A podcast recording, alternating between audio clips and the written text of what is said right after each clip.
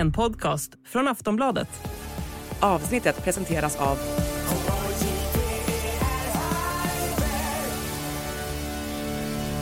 Stödlinjen.se, åldersgräns 18 år. På söndag delas Nobelpriset i ekonomi ut till Claudia Goldin. Vi ska prata om henne och om ekonomipriset i allmänhet med vår gäst Bo Rothstein. Och så ska vi framförallt prata om ekonomisk demokrati och liberal socialism i det sjätte avsnittet av Starta pressarna. En podd från Aftonbladets ledarsida med mig, Daniel Suhonen.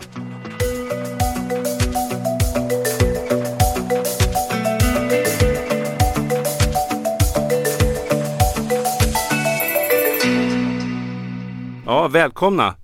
Idag har vi med oss Bo Rothstein, seniorforskare och tidigare professor i statskunskap, statsvetenskap vid Göteborgs universitet. Och du har även varit knuten till Harvard och Oxford och många andra ställen. Välkommen Bo! Tack! Eh, I studion har jag också med mig mina kollegor på Katalys, Enna Gerin och Max Järnek. Hej. Hej. Och vi har fått faktiskt en, en lyssnarfråga. De sa, kan, vilka är ni, de här Max och Enna och ibland Kalle som är här? Eh, Vem är du Enna, för de som, nytillkomna lyssnare? Ja, jag eh, är ju utredare och biträdande chef på det fackliga idéinstitutet Katalys och jobbar med Daniel dagligen och har varit där ett par år nu. Och borde få medalj. och Max? Eh, jag började på Katalys i september och innan dess var jag på Handelshögskolan i Stockholm och innan dess var jag vid sociologiska institutionen i Lund. Och du är, liksom vi andra, intresserade, mycket intresserad av ekonomisk politik och politisk ekonomi. Vi börjar bara liksom i, i dagens ämne då.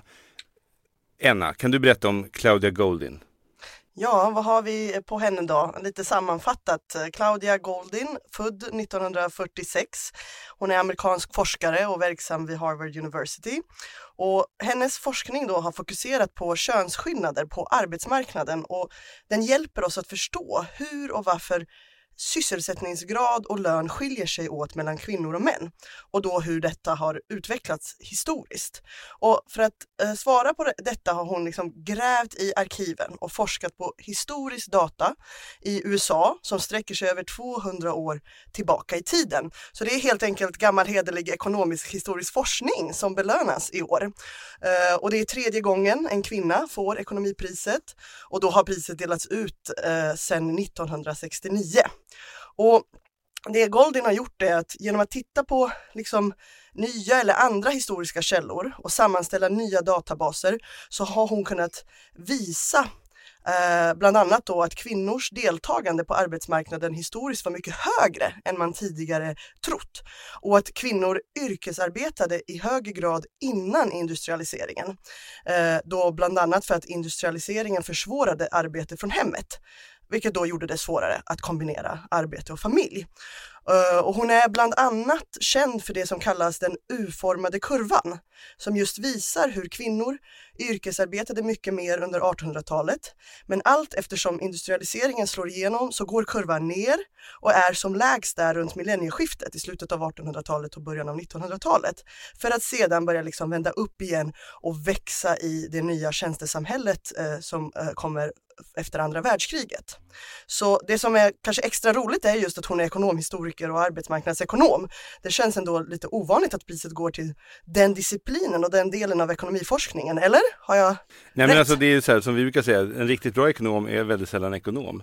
Utan ofta så slog ekonom, historiker, statsvetare, historiker, liksom etnolog. Alltså, eh, och Bosse, du har ju period, när vi, i förra programmet så sa vi att du skulle vara väldigt kritisk mot Nobelpriset i ekonomi. Och sen har vi liksom insett att vi har alla reviderat oss och kritiken kanske har ljumnat något. Men du har ändå riktat, liksom, vad tänker du om pristagaren? Vad tänker du om prisets ställning och status idag? Är det ett bra pris? Alltså det varierar ju över tid. Eh, eh, en del väldigt framstående och skickliga forskare eh, som jag ser det har fått priset. Elina Roston, Paul Krugman, Douglas North och andra som jag inte uppskattar lika mycket. Men jag har faktiskt suttit i Kungliga Vetenskapsakademins grupp för samhällsvetenskap som diskuterar i evighet det här priset. Och, Eh, jag hade ett förslag för en fem sex år sedan där som jag drev att eh, eftersom priset nu de facto har delats ut till sociologer, psykologer, ekonomhistoriker så borde priset få en annan beteckning. Det borde få eh, beteckningen i ett pris i ekonomi och andra samhällsvetenskaper. Men det mötte inte något gehör. Eh, för mig som statsvetare är det väldigt tråkigt att sitta i den där gruppen för att eh, liksom, ja, vi får egentligen inte något inflytande så jag är aldrig med längre. Du kan aldrig få priset? Mm, ja, det har jag inte tänkt att jag skulle få men det är ju liksom lite jobbigt eh, när det är en sån enorm dominans av en viss typ av ekonomer. Sen har du ju rätt i detta att ekonomämnet har ju ändrat sig under de sista kan man säga 15-20 åren. Det finns ju nästan inga neoklassiska ekonomer kvar längre. Hälften har ju blivit institutional economist. Alltså vad är det? Det är statskunskap och juridik med lite mer matematik. Den andra hälften har ju lite överdrivet blivit behavioral economist. Alltså vad är det? Det är sociologi och psykologi med lite mer matematik. Så när jag föreläser på handelshögskolor så, så brukar jag fråga liksom, kan den sista eh, true believern i neoklassisk ekonomi resa upp handen? Det är ju väldigt få kvar alltså. Max, håller du med om det? Alltså du är lite, jag håller nog kanske... inte riktigt med om det. Jag skulle nog säga att de här uh, institutional economics och behavioral economics, att det är nog är ett sätt att ta in uh, intryck från andra discipliner i det neoklassiska paradigmet. Att man, uh, att neoklassiska paradigmet finns kvar, men att man tweakar det lite grann. Skulle jag nog säga. Eh, så att eh, nästan alla som har fått Nobelpriset, alla ekonomer är neoklassiska i någon mening. Det kanske var några där i början, kanske Gunnar Myrdal och Vasilij Leontiev som inte var det och William Wickley på, på 90-talet som eh, visserligen fick priset för att han hade jobbat inom det neoklassiska paradigmet med auktionsteori och sådär som han själv ansåg var ganska trivialt men eh, i övrigt så har ju alla varit från ett och samma paradigm så att eh, jag tycker nog att man kan behålla det som ett pris i ekonomi men att man skulle bredda det just att ge det till andra skolor också. Att man har kanske post-keynesianer som får det mera gammaldags institutionalister som som skulle få det, eller marxister till och med. Ja. För det finns ju en, det finns ju en kritik, så att säga, kritiken har ju haft många olika bottnar, men en av kritiken kring det här är ju att det liksom inte är, det är inte ett Nobelpris i meningen att det var med i Nobels testamente. Utan det här är ju ett, det är som om Katalys skulle plötsligt få 500 miljoner av någon rik person så skulle vi sätta det på börsen i någon bra fond AP-fond kanske, häng på dem. Och sen skulle vi plötsligt kunna dela ut sig 15 miljoner, 10 miljoner kronor varje år. Och så skulle vi liksom döpa det här till någonting, liksom sociologpriset, klassforskningsstipendiet i Nobels minne liksom. För att riva ner den typen av kapitalism som födde Nobelpriset, krigskapitalismen. Eh, om vi hade gjort det så skulle man ju, det skulle säkert vara en resa innan vi fick plats liksom med en stol där och kungens medalj liksom på, i konserthuset. Eh, och, och, så. Men, men det är egentligen lite grann så Riksbankspriset är. Och jag tycker namnet då, det, det heter ju inte Nobelpriset i ekonomi. Det heter Sveriges Riksbankspris i ekonomisk vetenskap till Alfred Nobels minne. Och som har nämnts här, det kom, tillkom 1968, vänsterns liksom år Eh, Zenit. Och sen så har det liksom bra, det är en del av den här liksom nyliberala revolutionen lite grann. Det är Hayek och Friedman får det på 70-talet. Det kantrar, ja, det är några keynesianer som Myrdal och så, men det är ju mer, alltså svenskar, då, alltså Lindbeck och så som har jobbat med liksom att i princip då kreera egentligen en kanon av vad nationalekonomi är och vad samhällsvetenskap är. Det är det som blir, det blir en bild av vad det är för väldigt många människor. Det blir en status att att man får det här priset då och så är det Buchanan och Hayek och Friedman. Man legitimerar väldigt radikala åsikter. Det, det är väldigt slump att det är så många som för, förordar en självständig riksbank som har fått det. Det är verkligen ett sammanträffande. Riksbankens pris i sig själv och sin egen teoretiska befrielse. Vad säger du Bosse? Ja, alltså jag uppfattar att det beror lite grann på vilken typ av ekonomer man har att göra med. Jag har haft väldigt mycket att göra med utvecklingsekonomer och en del med miljöekonomer. Och de tycker jag är helt oproblematiska. De är inte tagna av det här neoklassiska paradigmet. Knappast Douglas North, Elinor Ostrom och Herbert Simon för till exempel kanske inte ens John Nash. Alltså. Men det finns ett problem här som jag har påpekat. de är lite gamla de här studierna men de, det finns ju studier där man sätter huvudsakligen studenter i den här typen av situationer. Att om alla samarbetar så kommer alla tjäna på det. Men eh, det finns ju alltid en risk att man hoppas att alla andra betalar på spårvagnen eller eh, sorterar sina sopor. Men man själv är free rider och då visar det sig i de här experimenten att eh, de flesta samarbetar mycket mer än vad man, den här neoklassiska teorin säger. Men förutom en grupp och det är ekonomstudenterna. Alltså, va? Och sen har man ytterligare tittat på detta och det visade sig att det beror inte på en selektionseffekt att det är den typen av personer som eh, eh, väljer att läsa ekonomi utan man blir sån av att läsa det. Om man ändrar utbildningen lite grann så, så ändrar sig också deras beteende. Om man då har ett pris eh, som detta som ska gå till mänsklighetens eh, fromma så att säga, så då kan man ju verkligen ifrågasätta. Alltså, vi är ju enormt eh, skadade av den här typen av eh, free rider beteende runt om i världen. Vi som studerar korruption och så till exempel. Så, ja, det låter lite snyggare på engelska men alltså om alla aktörer uppträder enligt Economic Man-principen, bara ser till sig själv. The participants will outsmart themselves into a suboptical equilibrium. Alltså man kommer att hamna i ett dysfunktionellt jämviktsläge på grund av brist av förtroende för varandra som man sen inte kan komma ur därför man kan inte beordra fram förtroende. Eh, men de här studierna är nu tror jag 15 år gamla. Jag har inte sett några nya. Men jag, jag hade en debatt med några ekonomer om detta för några år sedan i Dagens några andra kommentarer kring det? det, det... Nej, det, det, det låter ju väldigt mycket som Eleanor Ostrom som mm. fick priset 2009 var det väl. Eh, just det här med eh, hon vände sig emot den här idén med allmänningens tragedi att om man har allmänt, om man har gemensamma egendomar så kommer alla bara se till sitt eget bästa kortsiktigt. Om man, har, om man, om man delar en, en beteshage med några andra så kommer man släppa ut fler kor på den så att till slut så finns det inget bete kvar. Eh, hon vände sig emot den och eh, undersökte hur man eh, i praktiken har överkommit de här problemen just genom att samarbeta med varandra och komma överens om eh, att ta hand om gemensamma resurser långsiktigt. Så att, eh, ja, jag antar att det var Ellen Roström som du tänkte på där när du beskrev detta. Ja, eh, jag råkade stå henne rätt nära också som forskare. Men eh, alltså hon varnar när hon blir vald några år tidigare till det finaste man kan bli som statsvetare, nämligen president av den amerikanska statsvetarförbundet. Och då varnar hon i, i sin presidential address just för detta. Det finns en risk, säger hon, att vi utbildar studenter med en moralisk orientering som faktiskt förstör grunden för vår demokrati och välstånd. Hon varnar för detta alltså. Uh, och, uh, ja, detta har jag ju tjatat om i många år, alltså att här finns en risk.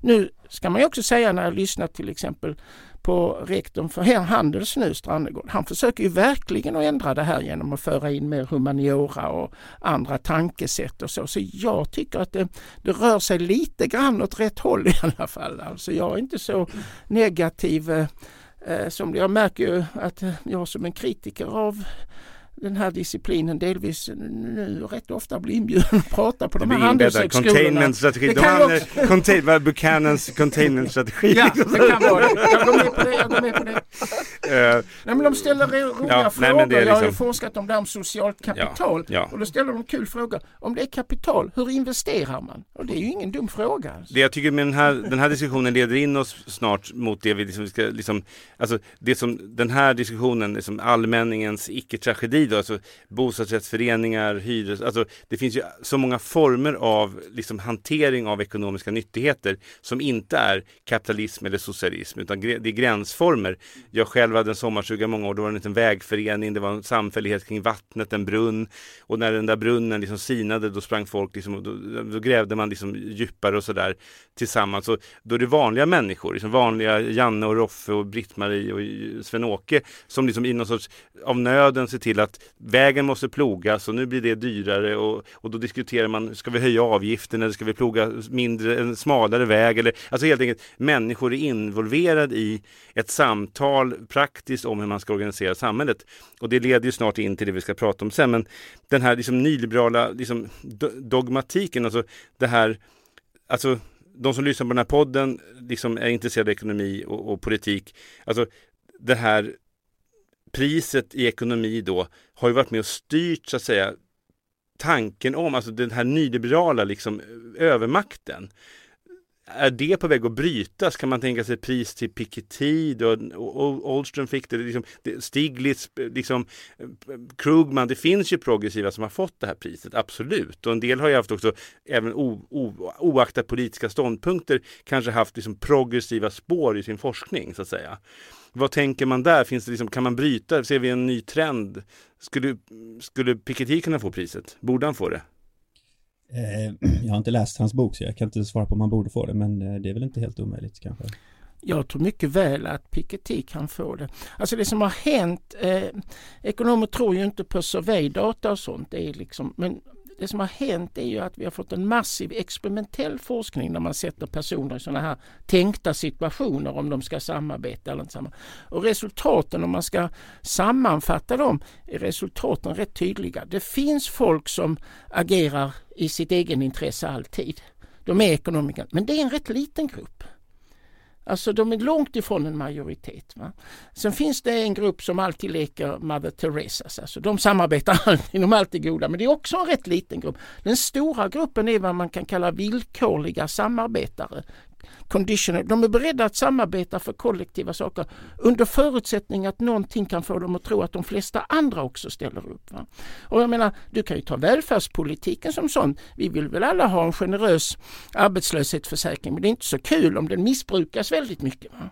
Eller sjukförsäkring. Så välfärdsstaten kan man ju förstå som en, här, som en sån här allmänning i viss utsträckning. Ja, och dragläget där kan ju också vara, det kan ju finnas en något komplext dragläge. Det kan ju finnas både så att man kanske själv känner att man själv inte får det man behöver av en försäkring och sen känner man att andra kanske överutnyttjar den och sen kan det finnas en propaganda. Alltså jag är inte tveksam till att någon kan överutnyttja en försäkring, men det kan ju också finnas en starkt demagogisk kraft att utmåla att alla som använder en försäkring är liksom charlataner och tjuvar. Ja visst finns det det. Detta är ju liksom den bild som målas upp. Men jag, den här skället på nyliberalismen, jag, jag, det är ju naturligtvis intellektuellt befogat. Men det är en fråga som måste besvaras. Hur kom det sig när den här rätt triviala teorin kom upp att den bataljon akademiska marxister och vänsterfolk inte kunde svara emot? Varför kom det ingen liksom effektiv moteld från vänstern mot det här? Lite självkritik skulle man nog vara på plats i detta. Alltså. Anna?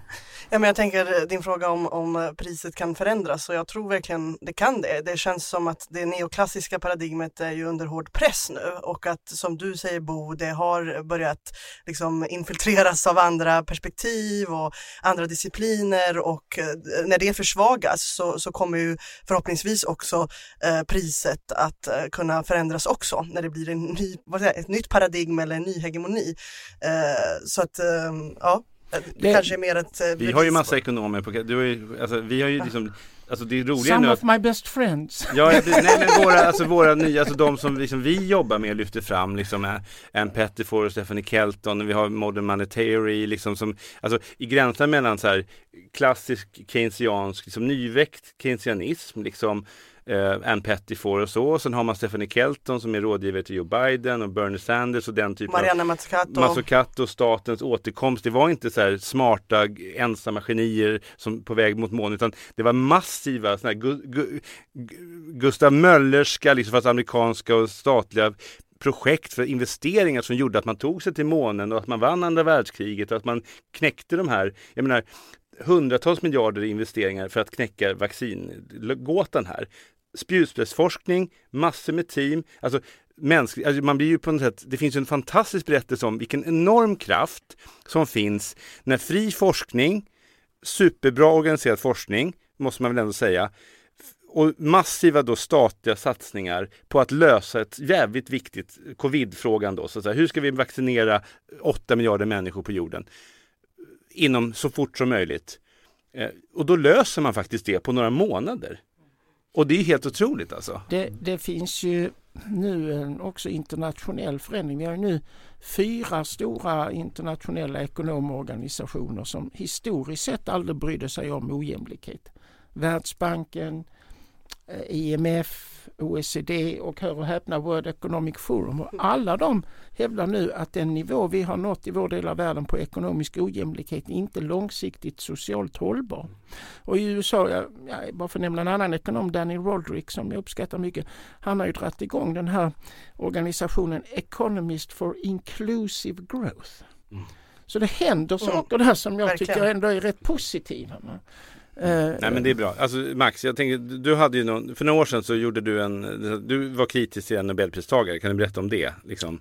Eh, ja, det var jag eh, 2018 när William Nordhaus fick det, klimatekonom.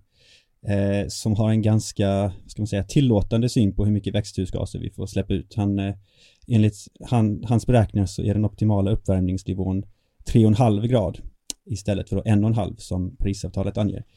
Eh, så att då var jag ganska kritisk mot det eh, och även mot hans, hans lösning på problemet som är i stort sett bara en enda och det är att sätta ett pris på koldioxid. En ganska simplistisk lösning som egentligen inte funkar och därför så, eh, eller om, om den skulle funka enligt hans modeller så måste man ha ett, ett extremt högt koldioxidpris som liksom eh, nästan liksom eh, någon sorts chockterapi mot, mot ekonomin. Eh, och därför måste han då anta att, att uppvärmningen inte är så farlig för att annars så, så funkar inte hans lösning. Eh, men då var jag ganska kritisk när, när han fick det. Eh, men det var lite kul, det var när jag var på Handelshögskolan så blev jag uppkallad av en professor där som, eh, som, som skulle läxa upp mig och så eh, det var ganska intressant att höra vad, vad hans, hur han resonerade kring det här för han upplevde det som att all kritik mot antingen Nordhaus eller liksom mot nationalekonomi som helhet måste vara känslobaserad för att nationalekonomi enligt honom var någon sorts objektiv sanning och talar man emot det så har man objektivt fel och det är bara känslor som, som styr. Så att eh, det finns något sorts grupptänk eh, som eh, är ganska osunt. Så han satt där, en äldre professor satt och var mycket arg på dig och säger att du har en massa känslor här Max. Ja, han var inte arg, han var liksom eh, ja, Oroad. Uppfostrande. uppfostrande var väl Men, men Max, du har också en tanke så här, lite grann eh, så här att det här priset har haft, alltså Riksbankens idé med att ha det här priset har haft liksom en nästan intern politisk, så att säga, i Sverige, en roll för Riksbanken. Kan du berätta om den tanken? Ja, det, det är eh, ett argument eh, i en bok som heter The Nobel Factor av eh, Avner Offner och Gabriel Söderberg eh, som argumenterar just för det att Nobelpriset instiftades för att Riksbanken skulle höja sin prestige och sitt inflytande och göra sig själv självständig på sikt eh, och även eh, komma att eh, ändra om det ideologiska landskapet och motverka den typen av radikal socialdemokrati som var väldigt populär på 60 och 70-talet och eh, Assar Lindbeck som vi nämnde förut hade en väldigt stor roll i det. Han var väldigt kritisk till den här radikaliseringen av socialdemokratin och ville styra åt andra hållet.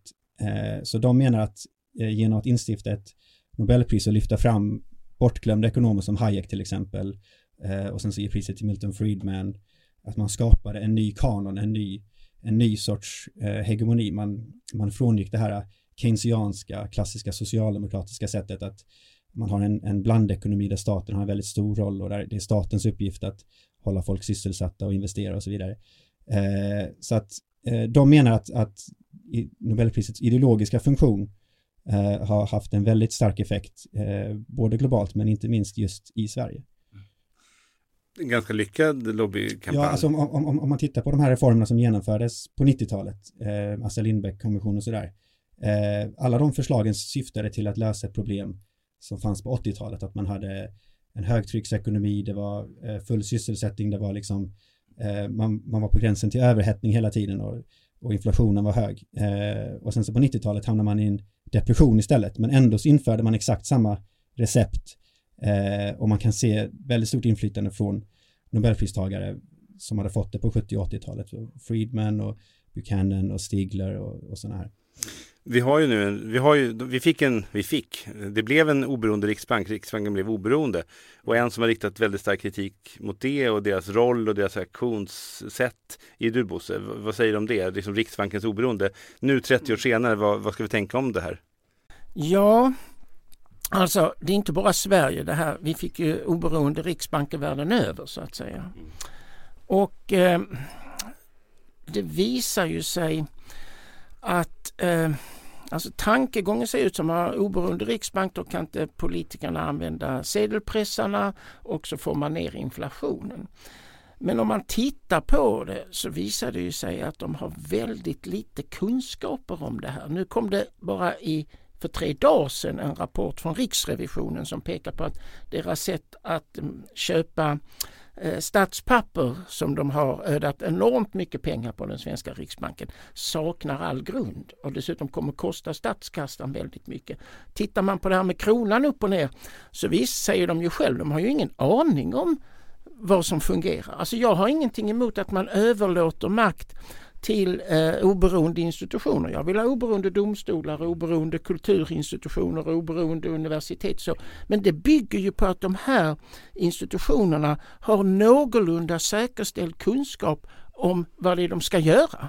Och här Ja. sitter ju tre gubbar och gnuggar två stenar mot varandra och försöker liksom lösa så va. problem. Liksom. Och jag, men det finns ju nationalekonomer som kritiserar det. Fredrik Andersson i Lund och Lars Jonung också. Va? Så jag inte, men det finns ytterligare ett stort problem i detta som jag har upptäckt. Om man tittar på den forskning som ligger bakom idén om att man ska ha en oberoende riksbank så bygger den på att man har skapat ett index där man mäter oberoendet och sen jämför med inflationen. Men det här indexet där man mäter oberoendet är enbart konstruerat utifrån vad som står i den formella lagstiftningen. Och alltså vi som studerar korruption, vi vet ju detta saknar ofta helt betydelse. Världens mest korrupta länder har jättebra lagar och institutioner mot korruption. Va? Alltså detta, och när man tittar noga på det, de som la fram de här eh, forskningsresultaten i början på 90-talet, de erkänner att det här måttet inte är bra. Va? Och ta nu Polen till exempel där Riksbanken ju agerade väldigt politiskt i valet. Nu förlorade visserligen deras sida men ändå. De har ju minst lika starka regler för att deras riksbank ska vara oberoende som vår. Alltså, ingen kan ju inbilla mig att Riksbanken i Bulgarien eller Turkiet eller i Argentina är oberoende även om de är det på pappret. Så hela den här teorin vilar faktiskt på ett illusionsnummer. Vad vi, får, vad vi får med det här systemet är en mycket enkel sak. Vi får politik av ovalda personer som inte kan ställas till ansvar. Exakt. Och Ja, eh, jag skulle bara säga det att också eh, den, den stora förebilden har alltid varit Tyskland, för Tyskland har haft en oberoende centralbank eh, när inga andra länder i Europa hade det. Och så var man väldigt imponerad av att Tyskland hade så låg inflation. Men det berodde ju framförallt på att Tyskland dels har en viss exportprofil som gynnar eh, att ha låga, låg inflation, men också att de har en väldigt stark valuta. Och alla länder kan ju inte ha en stark valuta, det är ett relativt mått. Så att det är väldigt konstigt att försöka anamma en, en sån politik på, på makronivå. Liksom. vi kanske ska ta D-marken då som valuta om vi, vi har en egen valuta men slippa kronan. Den finns inte längre, Nej. jag är Nej, ledsen. jag vet. Nej, men kan vi återinföra den i Sverige? Nej men alltså jag tänker så här att det blir en övergång till nästa liksom, ämne här. Alltså, men det finns ju en, som vi pratar, vi kretsar kring demokratin, politikens räckvidd och en självständig riksbank är ju det här som Bosse är inne på, så att politikerna inte får säga till, alltså har inte ett säg egentligen om väldigt centrala delar eller potentiellt centrala delar i hur man sköter ekonomin och hur man så att säga bemöter en kris till exempel. Och nu i Sverige är det här väldigt aktuellt. Först har man haft det som tio år drygt där man har släppt på en otrolig ojämlikhet. Huspriser och lägenhetspriser har stigit. Övre medelklassen har fått väldigt stora liksom, förmögenheter. Eh, och sen får vi en inflation som vi i stort sett importerar och det finns liksom flaskhalsar i ekonomin som beror på vanskötsel av Sverige. Eh, och, och då stramar man liksom åt på ett sätt som drabbar liksom allra mest de som inte har haft den här stora intäktsökningen under väldigt många år och liksom lägre unga familjer med så här. Så att jag tänker att det här kan bli en revitalisering av kritiken eh, som fanns för 20 år sedan eller 30 år sedan mot en oberoende riksbank. Men det handlar egentligen i grunden om synen på demokratin. Ska folket och dess företrädare, valda politiker, där man kan utkräva ansvar, bestämma om hur ekonomin ska, fördelningsfrågor, tillväxtfrågor, arbe- alltså sysselsättningsfrågor. Eller ska det vara ett, ett gäng då, som Bosse är inne på, i, korrupta eller liksom, i, i, de är inte per definition korrupta, men liksom eh, oväldiga, liksom, något neutrum som, som då helt enkelt bestämmer detta. Och i grunden här tänker jag att det ligger ett politikerförakt bakom. Det är egentligen en ganska auktoritär idé om en teknokrati som står ovanför demokratin. Och jag tror egentligen att alla sådana, så nu står vi i en sån demokratikris i Europa och i västvärlden, Trump kan bli president. Det är slutändan av en, en tanke om att folket på något sätt, att folket inte ska vara med. Och så en motreaktion mot det. Så jag tänker att det finns någonting här med, med en demokratifråga. Och, och där tänker jag så här, vad säger du, liksom, Riksbankens oberoende, är inte det ett demokratiproblem? Borde inte politikerna och därmed indirekt och direkt folket bestämma över den ekonomiska politiken? Ja, det kan man tycka. Ehm, alltså det finns, ehm, och här lutar mig på Fredrik Andersson i Lund. Vi har ju långa, fram till vi fick en oberoende riksbank 1999 så har vi haft perioder med väldigt hög inflation. Men vi har också haft långa perioder med väldigt låg inflation. Så historiskt sett finns inte det här sambandet. Det är det ena. Sen kan man ju faktiskt tänka sig någon mellanform. Ehm, det visar sig att ett system som fungerar rätt bra i, när vi tittar på graden av korruption och sådär, det, det man kan kalla politics through experts. Alltså inte att experterna bestämmer men att de politiker som beslutar måste komma i en situation där de tar in väldigt mycket saklig information från experter. Alltså inte expertstyre utan liksom politics through. Så man kunde till exempel ha en situation där, ja vi hade en majoritet valda politiker i Riksbankens styrelse men de måste vara i en situation där de också tar in den här informationen innan de fattar beslut. Så det finns mellanting mellan expertstyre och politikerstyre som man kunde tänka sig. Ja, och jag håller med. Alltså, man behöver inte gå från den ena extremen till den andra, helt oberoende liksom till att politikerna ska sitta på, på, liksom. precis, på finansministern. Utan problemet just nu är ju att eh, eh, penningpolitiken och finanspolitiken är två helt liksom, icke-kommunicerande kärl. Att de inte ens får liksom, egentligen diskutera eller påverka varandra. Eh, och om vi ska lösa liksom, framtidens utmaningar, de investeringsbehov som finns, eh, klimatomställningen som måste göras, då måste ju de här två liksom, eh, samarbeta mycket mer. Så det behöver ju inte vara liksom, det finns mellanting med att man öppnar upp för mer koordination mellan finanspolitiken och penningpolitiken, mellan Riksbanken och Finansdepartementet och, och att just nu är ju problemet att de liksom helt separerade. Jag tycker yttrandefrihet är en fin sak. Mm. Men vi har ju de facto nu ett yttrande förbud för våra valda politiker vad det gäller Riksbanken. Ja. De får inte, alltså det kallas det instruktionsförbudet, men de uppfattar att de får överhuvudtaget inte säga någonting om detta. Alltså. Ja. Det blir ju perverst. Va? Yttrandefrihet är en rätt bra sak Även i demokrati. Även på Riksbanken och Ja, jag tycker det. Va?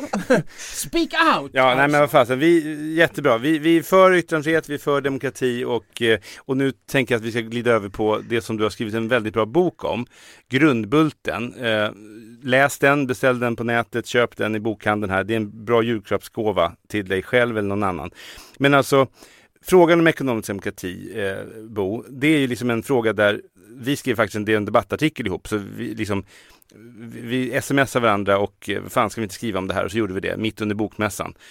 Eh, till 4 oktober då, som är då, det var 40 år sedan den här stora anti-löntagarfondsdemonstrationen 4 oktober. Det är inte, var inte kanelbullens dag på den tiden utan det var liksom P. Emilsson och Svenska Arbetsgivarföreningens liksom dag mot löntagarfonderna, mot socialismen. Bosse, berätta, liksom, frågan om ekonom, ekonomisk demokrati, liksom, vad, vad var det som hände där på 80-talet? Varför gick det snett? Varför fick vi inte ekonomisk demokrati? hur ser du på det här? Löntagarfonderna? Ja, löntagarfonderna var en väldigt knepig reform. Eh, jag eh, lyssnade faktiskt på P.O. När han skulle prata för radikala vänsterstudenter Verdandi i Uppsala. Och de var väldigt arga för att eh, man inte hade gjort ett mer radikalt förslag. P.O. Edin som då var LOs och socialdemokratins operatör i det här, han var helt ärlig vi kunde inte få med våra egna. Och detta var ju problemet alltså. Det blev ingen stor mobilisering för det. Och varför inte det? Ja, det var de framgångsrika socialdemokratiska reformer eller progressiva reformer har alltid varit kopplat till någon typ av individuell rättighet. Rätt till sjukvård, rätt till pension, rätt till a-kassa och så vidare. Löntagarfonder var ju helt frikopplade från individen så det var helt oklart vilka företag skulle de här fonderna äga aktier i? Vad skulle det betyda för de här företagen? Hur skulle de agera annorlunda eller inte? Vad skulle det betyda för de som jobbade där? Och hur skulle man lösa orättvisan om det nu betyder någonting mellan de som arbetade i företag där löntagarfonderna ägde pengar och de som arbetade i andra företag? Alltså, det var liksom en nebulös reform. Men det grundläggande felet med löntagarfonder är ju faktiskt att de byggde på den urkapitalistiska idén idén, nämligen att det är kapitalinnehav som ska ge makt i produktionen. Alltså egentligen paragraf 32. Det var Ja. som att LOs vänsterekonomer Meidner och så, Anna Hedborg och Gunnar Fond. Alltså det är så roligt att han hette Gunnar Fond, han som fick liksom sekreteraren där. Ja. Liksom, de tre, liksom, de upphöjer på något sätt paragraf 32 som var liksom klassfienden på något sätt, att arbetsgivarens rätt att leda och fördela arbetet, alltså paragraf 32 i SAFs stadgar och Svenskt Näringsliv idag, paragraf 23 sen 32. Det gör man till princip som arbetarrörelsen agerar kring. Ja, alltså om man äger så bestämmer man. Men detta bygger ju på ett fundamentalt fel i tänkandet. I en marknadsekonomi kan kapital inte äga arbetskraften. Slaveri är förbjudet. Man kan hyra arbetskraft. Och då bestämmer man. Om man hyr någonting så bestämmer man över det man har hyrt. Men i en marknadsekonomi kan ju arbete hyra kapital. Vi fyra kan starta en litet bokförlag imorgon och låna pengar. Då det är vi som bestämmer vilka böcker som ska ges ut. Va? Och detta är en, någonting jag utvecklade i början på 80-talet och, och samtidigt med David Ellerman, den här briljante ekonomen. Alltså att det är, hy, det är hy, kontraktets karaktär som avgör makten, inte kapitalägandet. Och det intressanta är ju att vi nu ser, både i Storbritannien men framförallt i USA, en mängd sådana här företag alltså, som, eh, där de anställda eh, via fonder eller stiftelser eller direkt äger företagen. I USA pratar vi om 10 miljoner anställda, 10 procent av arbetskraften i den privata sektorn, 7000 bolag varav 4000 är helägda. I England fick man en motsvarande lagstiftning 2014 och de exploderar nu de här för, antalet företag alltså. Från en låg nivå ska man säga. De här företagen framförallt i, i USA har ju studerats i 35 år av ekonomer, in och ut, fram och tillbaka, upp och ner. De klarar sig väldigt bra. De är, de är mer produktiva, de är väl så lönsamma. Folk är mycket mer nöjda med sin arbetssituation. De får inte jättemycket men klart högre lön. Men framför allt får de en stor hög med pengar vid pensionen. Alltså.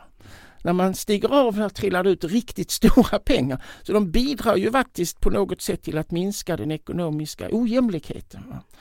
Eh, märkvärdigt nog så är sådana här företag rätt sällsynta i Sverige för att vi har faktiskt enligt EUs särskilda byrå som ska stödja sådana här företag Europas sämsta lagstiftning för att sådana här företag ska kunna komma till stånd. I USA och i England kan alltså de anställda köpa företaget med företagets tillgångar och framtida vinster som säkerhet. Ungefär som när man köper en bostadsrättslägenhet. Det är ju lägenheten som är säkerheten eller villan. Det är lagenligt förbjudet i Sverige. Jag har många exempel på lite progressiva företagsägare som nu är lite äldre och trötta som gärna skulle vilja överlåta till sina anställda. Det är juridiskt nästan hopplöst. Alltså. Men man kan ge till vem som helst annars. Man kan, ja, alltså det är ett bokförlag eh, till exempel, de kan ge det till Bonniers men de kan inte ge det till sina anställda. Så den här typen av företag, eh, de finns några i Sverige, de har också studerats och de är också framgångsrika men väldigt sällsynta. Alltså. Ja men exakt, de är sällsynta eh, och lagstiftningen gör det väldigt svårt att ha sådana här personalägda företag som du säger Bo. Men jag har de senaste åren haft äran att sitta i stiftelsen Jämlikhetsfondens styrelse eh, som då varje år delar ut ett jämlikhetspris sedan 2015 och, priset har faktiskt flera gånger just gått till personalägda företag för att lyfta fram de få exempel liksom som finns eh, och för att försöka opinionsbilda kring den här frågan. Och det är väldigt intressant att grotta ner sig i de här konkreta exemplen som finns. Till exempel Eh, första året då priset gavs ut 2015 så gick det till Juders nickelsilverfabrik i Hovmantorp som sedan mer än liksom 40 år tillbaka är ett medarbetarägt företag. 2017 gick priset till eh, ett medborgarkooperativ i Offerdals hälsocentral. Och deras historia är lite intressant. När då vårdcentralen var nedläggningshotad 1991 så räddades den genom eh, att ett personalkooperativ tog över först. Och sen år 2010 Sverige med ny lagstiftning och nya villkor var verksamheten liksom hotad igen. Och då kallades hela bygden till stormöte som beslutade att omvandla eh, personalkooperativet till ett medborgarkooperativ. Och de fick snabbt flera hundra medlemmar och vid prisutdelningen då 2017 så hade de nästan 700 medlemmar som då valde en styrelse som ledde verksamheten och då fanns det ungefär 20 anställda. Och det finns också exempel på större företag som eh, konsultföretaget Bjerking som fick priset 2019. Och Bjerking är ett teknikkonsultföretag inom bygg och anläggning som då sedan 1957 ägs av medarbetarna. Eh, och det grundades redan 1943 Eh, av Sven-Erik Bjerkning som då överlät företaget till de anställda 57. Eh, och det finns både i Uppsala och Stockholm och deras omsättning 2018 var 503 miljoner kronor och antalet anställda vid då årets slut 2018 var 417 personer. Så det finns några sådana exempel men som du säger eh, om man jämför med, med USA så är det ju väldigt ovanligt. Alltså jag tänker så här, när jag var, för några år sedan så käkade jag lunch med Claes Eklund. Han jobbar ju då på Manninge Svartling som är liksom Wallenbergs och storindustrins liksom juristkontor, liksom jätteframgångsrikt sådär. Åtta våningars kåk på, liksom vid city med egen lunchmatsal och liksom sådär. Och då sa han så här, ja här sitter jag liksom som en löneslag men i princip är det här ett kommunistiskt paradis för moderater och miljonärer, stjärnjurister, för alla som är delägare i den här firman, vilket vi då kräver vissa insatser, så mycket hårt jobb i början. Va? Men det, alla har samma ersättning. Alla har samma lön från det här. Ersättning då för arbetet. Det är platt. Alla har samma. Eh, och en annan gång när jag åkte, liksom, skulle föreläsa någonstans, liksom någonstans i öst, liksom, ja men Jämtlands inland, så liksom han, äldreombudsmannen som körde mig sa Titta till vänster nu Daniel, för där, nu åker vi förbi den rikaste personen i hela bygden. Jaha, vem är det då? Ja, hon satt 40 år i kassan på Handelsbanken.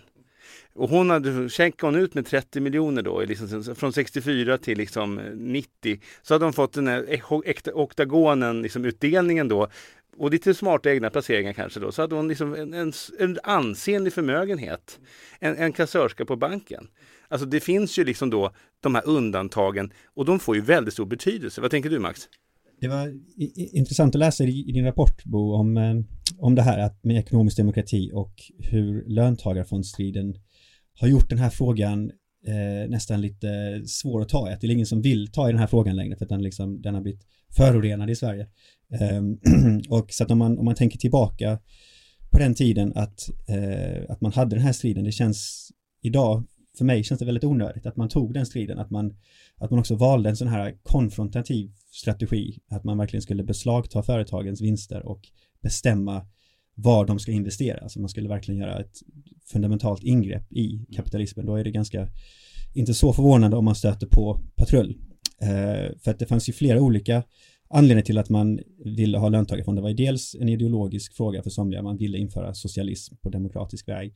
Men det var ju också ett rent makroekonomiskt problem att det, att det var Eh, alltså det fanns ett väldigt behov av nyinvesteringar i Sverige. Det fanns väldigt stora vinster som inte investerades och Sverige hade en väldigt föråldrad eh, industriell struktur. Man hade gamla, gamla varv och annat som, som eh, stod oanvända. Man behövde investera nytt.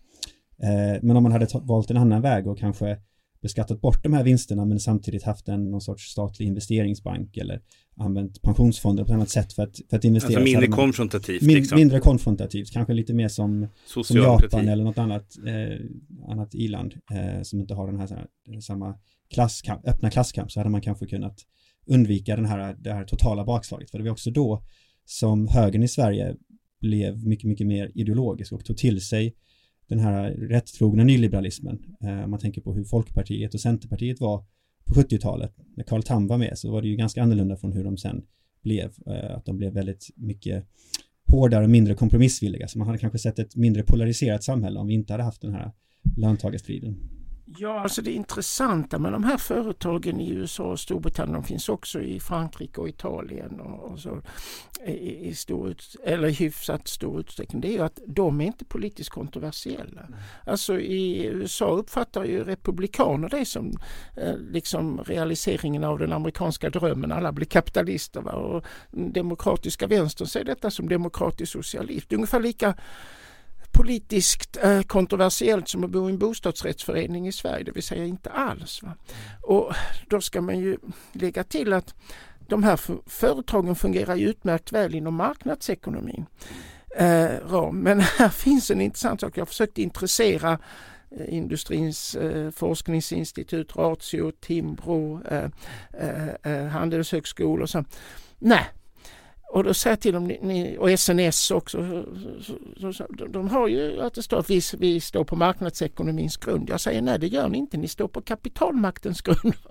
Då blir de lite nervösa. Men det, det sker, men det, nu är jag inbjuden till sådana här ställen, till exempel Fondbolagens förening mm. vill lyssna på mig och sådana här investerings... Nej men det, det finns, det händer ju en sak till som vänstern har missat och som jag menar potentiellt är väldigt viktigt. Det är utvecklingen och den enorma ökningen av de här indexfonderna. Indexfonden är de största ägarna på den svenska börsen. De ökar och ökar och ökar av det enkla skälet att de spöar de aktivt förvaltade fonderna nio år av tio. Alltså. De, sådana här aktiefonder har man ju kallat för det ansiktslösa kapitalet. Men jag kallar indexfonderna för det huvudlösa kapitalet. För indexfondernas verksamhetsidé är att ta ut väldigt låga avgifter. Det finns vissa som faktiskt är gratis också. Men det innebär att de har inga resurser och inget intresse av att utöva någon som helst makt över de företag där de har aktier. Alltså, eh, de hyr ut sitt kapital till de som arbetar där. Och här skapas ju en rätt stor eh, eh, tomhet i maktförhållandena när det gäller företag. Och det finns ju ingenting som säger att den inte skulle kunna fyllas av den här typen av mer demokratiskt valda företagsledningar som ansvarar inför dem för, för, de anställda. Alltså. Eh, så här är någonting att tänka igenom de här indexfonderna. De är nu alltså större på börsen än vad Wallenbergsfären är.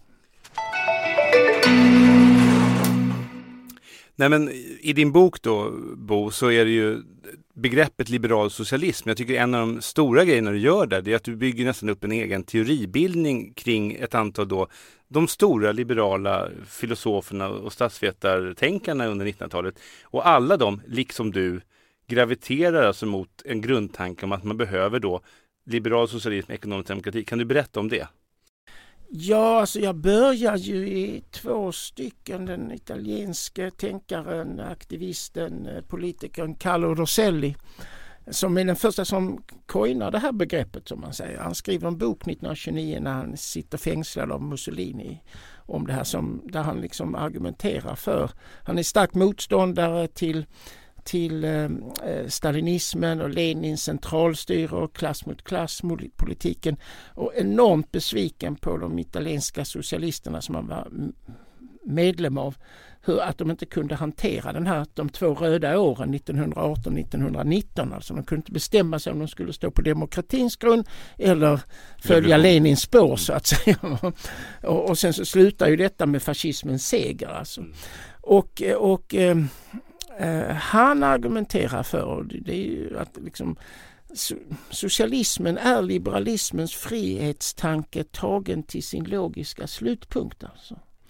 Just med autonoma företag och så vidare. Sen håller jag också fram jag tycker Gustav Möller är en svårt underskattad eh, tänkare i svensk politik. För han blir precis som Roselli otroligt besviken på de finska socialdemokraternas klass mot klass och när de börjar med att acceptera våldsutvecklingen 1918 och varnar dem för detta. Det här kommer, och det går ju också totalt åt helvete. Alltså. Och han utvecklar det här tänkandet men sen ja, blir han ju inte partiledare och han, innan dess ska han ju ta hand om kriget och 30-talskrisen och så. Men han, han har sådana här tankar också. Till detta kommer att två av man får nog säga världens ledande liberala tänkare, den amerikanske statsvetaren Robert Dahl och kanske 1900-talets mest lysande filosof John Rawls, de, de hamnar också på den här positionen. Kan jag Det är jätteintressant, det är helt ja, bortglömt. Det är helt bortglömt. Framförallt Rawls senare, alltså han gör det början av sin eh, yrkesverksamhet som filosof så menar han att den, den här välfärdskapitalistiska modellen som vi har i Västeuropa den, den kan lösa hans rättviseproblem. Men sista sju, åtta åren av sitt liv så ändrar han sig och säger nej det kan vi inte, det går inte, orättvisorna blir för stora. Utan då har han två andra modeller. Den ena är det här med liberal socialism och det andra är det han kallar property owning democracy. Alltså att man måste liksom demokratisera ägandet. Va? Eh, han är inte jätteprecis i hur de här ska utvecklas men det är intressant att båda de här eh, väldigt dominerande tänkarna hamnar på den här positionen. Alltså. Mm. I detta. Och det är att det här finns egentligen, alltså, man kan säga att socialistiskt tänkande har ju ofta handlat om att man ska avka, avskaffa kapitalismen och så åker liksom marknadsekonomin med på köpet. Att man, inte ser, man, kan inte, man gör inte en skillnad, åtskillnad, vilket man måste göra mellan kapitalism, kapitalmakt och utövande av den makten och marknadsekonomi som ju är mycket, mycket äldre. Jag, menar, jag läste ekonomisk historia när jag var ung. Alltså Fernand Brodell, liksom marknaderna, spel och så vidare. Det här är ju liksom, marknader är ju att man har, att människor har ett utbyte. Det är ju, har ingenting med kapitalism att göra. Det kan ju vara att jag byter fyra ägg mot, mot en skål, ett, mot ett bröd. Det finns ju ingen kapitalmakt i detta. Jag menar att ett av vänsterns fundamentala misstag är ju att man har satt likhetstecken mellan marknadsekonomi och kapitalism. Precis som du säger, marknadsekonomi är mycket äldre. Men... Och kommer nog överleva absolut, vilket styrelseskick vi än har. Det är svårt att tänka sig ett samhälle där man inte får lov att byta med varandra. Men det finns ju också en intressant amerikansk filosof, Elisabeth Anderson, som håller fram att när marknadsekonomin bröt igenom på tidigt 1800-tal och så, då uppfattades det av många som ett vänsterprojekt. When markets were left är hennes argument. Alltså, jag tror ju inte på något sätt på en oreglerad marknad. Alltså, den kommer bara sluta i korruption och maktmissbruk och så. Utan jag tänker mig naturligtvis en välreglerad marknadsekonomi. Skydd för konsumentintresse, skydd för miljö och så vidare. Eh, eh och alla möjliga rättsstatliga principer. Alltså, tankegången att man kan ha att en helt oreglerad marknadsekonomi, då blir det som i Somalia. Alltså. Men jag tänker så här, en slutsats som jag drar när jag läser din bok och som vi också skrev i vår artikel, det är två saker. Du berättar ibland då när du är ute och pratar om det här, vi hade seminarium på Socialistiskt forum för någon, någon vecka sedan här, alltså det här, dels historien om när Volvo eh, skulle tas över av arbetarna och, och facken var väldigt kallhamrade till det här, liksom helt fråga, frågande. Du har varit på LO och pratat om det här och mött viss skepsis kan man säga. Kanske du kan berätta någonting om? Det är bara förnamnet. Ja, nej men liksom, alltså det här och sen har vi liksom den här, apropå Gustav Möller, vi står i privatisering, att vi har ju haft ett läge där, där kapitalets intressen, kapitalismens anhängare, de har ju använt väldigt mycket att tränga in, alltså kapitalets och marknadens principer ska, ska tränga in i välfärdsstaten. Så det kanske försvarar, liksom, förklarar en del av vänsterns sammanblandning. Att liksom, striden har ju handlat om, ska vår vårdcentral och skola tas över av kapitalintressen av Barbara Bergström om man ska förenkla det. Eh, och då blir man ju negativ om man vill försvara välfärdsstaten i, i offentlig regi på något sätt. Då har man ju blivit mot. Så att det är ett ställningskrig hela tiden. Men kan du berätta det här med, så att säga, med Volvo, vad var det som höll på att hända där? Alltså, nu ägs det av kinesiska kommunistpartiets affilierade. Alltså, det är ju det är ju socialism det är mer på något konstigt sätt. Eller inte. Eller inte ja, alls alltså, överhuvudtaget. Det, det, måste ha varit för en tio år sedan så var både Volvo och Saab i svåra problem i, väster, väst, i, i, i Västra Götaland då där jag bor. Och både Volvos eh, ledning och facket och Saabs ledning och facket gick ut och sa vi har allt för att vara framgångsrika. Vi har modeller, vi har teknik, vi har kunskaper, vi har marknader. Det enda vi behöver, sa de, är en ny ägare. Och då skrev jag en artikel i Göteborgs-Posten och sa att ja, om det ni nu säger är sant och jag har ingen anledning att betvivla detta. Varför eh, går ni inte till eh, pensionsfonder och andra fonder och lånar upp pengar och köper bolaget? Det vore ju liksom, om det bara är pengar så kan det inte vara ett problem. Nästa dag blir jag uppringd av ordförandena både mm, på Saab eh, civilingenjörerna och på Volvo.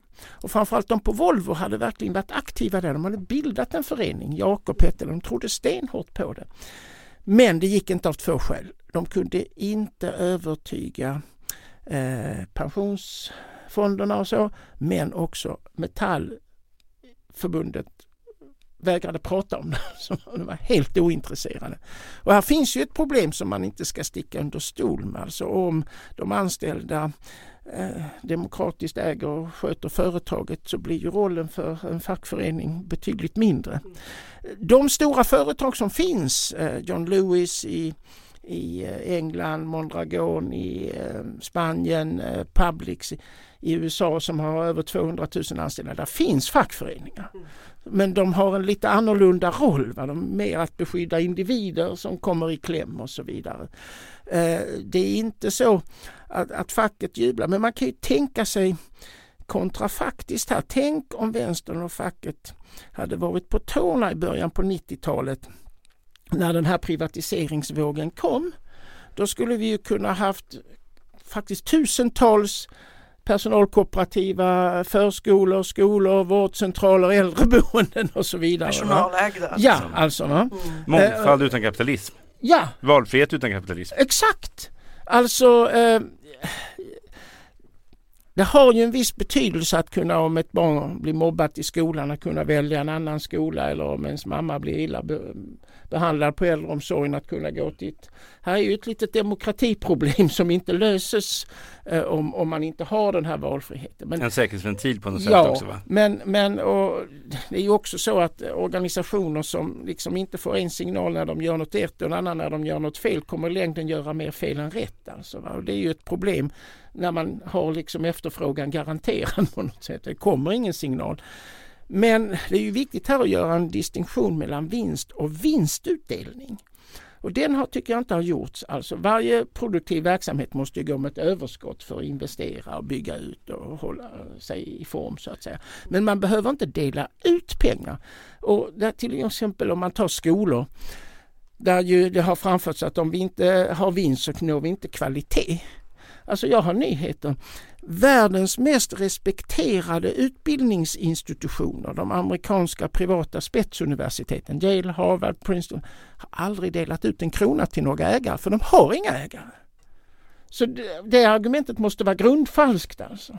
Hur funkar det? De är privata men... Det är stiftelser. stiftelser de gör ett överskott. Nej, det, inget, det finns inga ägare att dela ut några pengar till. Nej. Helt enkelt. Så det finns ingen som kommer säga, nu ska vi inte ta de där jättedyra professorerna i världsklass utan vi tar lite sämre professorer, inte i världsklass men som är liksom billigare och så sparar vi pengar. Ta in Borås istället. Nej men, och Suonen kan vi ta om det blir riktigt, vi vill ha riktigt stor vinst. Han är billig i drift. Eh, nej men liksom en kopp kaffe bara så pratar han i ett dygn. Nej men liksom så här, vi tar in jättebilliga föreläsare här så kan vi ha större utdelning till eh, liksom våra privata ägare. Det är inte så det funkar. Och det, eh, jag tycker det är så här, den här mellanformen också. Jag menar det är samma med Oxford och, och Cambridge alltså, va? De, de, alltså. De vill ju göra överskott för de måste de bygga nya eh, laboratorier. Mycket av pengarna går ju också åt på de här ställena till att Eh, eh, ge stipendier till, eh, det är väldigt dyrt att gå där när man mm. tittar på pappret. Va? Men en väldigt stor del av studenterna som kommer för lågresurser betalar ju ingenting för de får ju stipendier från universitetet som ju kommer från de här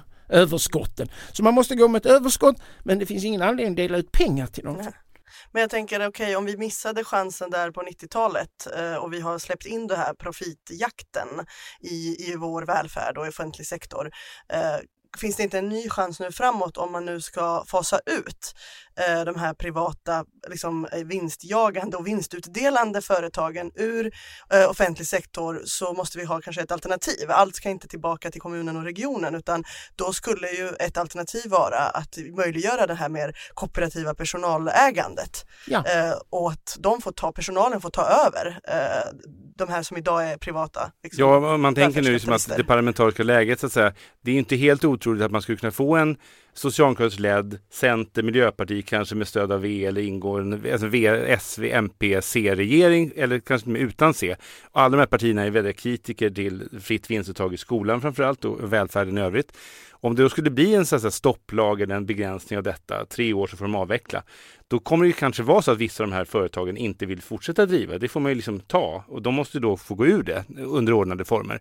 Men då är det ju så att säga då, då är det inte att allt detta ska tillbaka till kommunen eller läggas ner utan att personalen skulle kunna få hjälp kanske då antingen via, via smarta lösningar via så att säga, skatteregler och så eller framförallt att kanske också pensionskapital och så, alltså vi har enorma pensionsfonder och så, skulle kunna gå in här och i princip ge dem det riskkapital de behöver mot sina framtida så att säga, avsättningar och så vidare. Det behövs en sak till. Det behövs en ny företagsform för den här typen av eh, företag tror jag. Eh, Ingen av de företagsformer vi har, aktiebolag, ekonomi, fungerar riktigt bra för dem. Eh, och det som nu har till exempel hänt i Storbritannien där man har haft en väldigt kraftig ökning, det är att 2014 fick man en sån här ny företagsform som Alltså man kan jämföra det med om man vill bilda en bostadsrättsförening. Då finns det lagar som stödjer det? Ja, man kan, det är inte bara lagar, du kan liksom ringa till HSB eller SBC och så trillar det liksom ner ett färdigt paket hur allting ska ordnas och organiseras och gå till. Va? Och det är ju en bostadsrättsförening en rätt komplicerad eh, sak och många prejudikat och vem som ska ha skyldighet till vad. Man måste bilda en förening du, och så. Vill du Mm. ta över ett äldreboende eller en skola eller en liten snickerifabrik så måste du liksom uppfinna hjulet på nytt. Va? Varje gång. Det finns ingen färdig företagsform. Sen finns det ytterligare ett problem. Det finns ingen som helst beredskap på handelshögskolorna för att utbilda företagsledare för den här typen av företag. Noll alltså. Va? För det är ju en lite speciell kompetens att leda ett företag som styrs av de anställda på något demokratiskt sätt istället för som styrs av eh, eh, aktieägarna. Alltså. Men då, då vi har kommit till slutet här i podden. Vi har pratat länge, det har varit jätteintressant. Du får nog komma tillbaks någon gång, eh, Bosse. Alltså, I. Ja, precis. Eh, I värsta fall får vi åka ner till Italien och göra det här. Jag känner att det kan vara ganska lockande. Eh, Men så här tänker jag, att det, det finns ju den här, jag tycker det är fantastiskt liksom detta att det vi, det vi egentligen då får besluta här egentligen är ju då att sossarna har ju 11 arbetsgrupper eh, som, eh, jag tror ingen av dem ägnar sig åt så att säga, ekonomisk demokrati, arbetsplatsdemokrati och så vidare, denna, detta vi, vi har pratat om idag. Så att jag tänker att vi liksom helt enkelt så här, på 70-talet fanns ju grupp 8, vi bildar här grupp 12, den tolfte gruppen. Det känns som en sån här roman av någon sån här thriller från 70-talet, grupp 12, tolfte gruppen. Eh, och, eh, eller den kan också gå under namnet socialiseringsnämnden som helt enkelt kommer fixa praxis. Vi kommer ta fram demokratiska arbetardirektörer som kan ta över vårdcentraler. En armé av undersköterskor redo och förskollärare och lärare redo att socialisera produktionsmedlen, ta makten i sina egna händer och förbättra välfärden. Tack Bo Rothstein, eh, seniorforskare, eh, agitator, eh, författare till boken Grundbulten som jag tycker alla ska läsa för den får en att tänka nya tankar. Tack till Anna Gerin, Tack, tack. biträdande chef på Katalys, Max Järnek, eh, kollega, eko- samhällsekonom där. Och jag heter Daniel Suhonen. Ni har lyssnat på Starta pressarna, det sjätte avsnittet. Fortsätt mejla in era frågor till startapressarna katalys.org. Här är det slut. Och kom ihåg, ekonomi är politik, inget annat.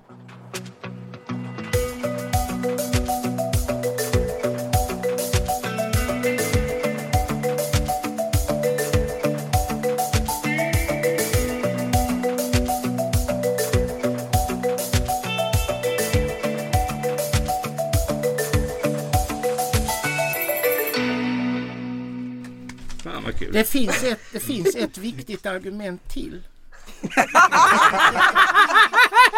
Nej, det, är, det, är, det är ett rätt sorgligt, det är ett rätt sorgligt, det är ett rätt sorgligt argument. Nämligen vi har ju en galopperande eh, problem med ökad psykisk ohälsa. Ja. Väldigt mycket av detta kommer från att folk inte är sedda, respekterade, lyssnade på i arbetslivet. Ja, ja. Och de här företagen, en sak som utmärker dem är att folk är mycket nöjdare med sin arbetssituation. Det är inget oviktigt problem. Alltså det, är en stor, Ja, och det alltså- drabbar väldigt mycket kvinnor och det drabbar väldigt mycket kvinnor i den offentliga sektorn. Alltså. Men jag har en teori Mm. och det är just det här resen- resentimentet Mm. och liksom högerpopulismen. Att det närs av den här respektförlusten på Ja, ja. arbetsplatserna. Ja, ja. Att, eh, min mamma har ju jobbat på apoteket och var Mm. med när de avreglerade det. Liksom. Och, och, jag menar, om du har jobbat 20-30 år i Mm. apoteket och, och du hade en situation där du var väldigt jämlik din Mm. chef och du, det var, du Bra var villkor. statligt anställd.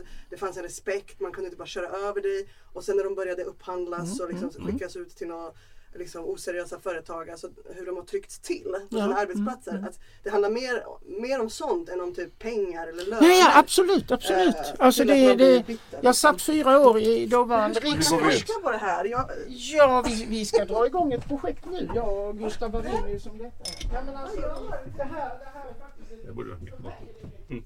Kanske, kanske är tillräckligt för att kunna klippa in på något sätt. Du har lyssnat på en podcast från Aftonbladet. Ansvarig utgivare är Lena K Samuelsson.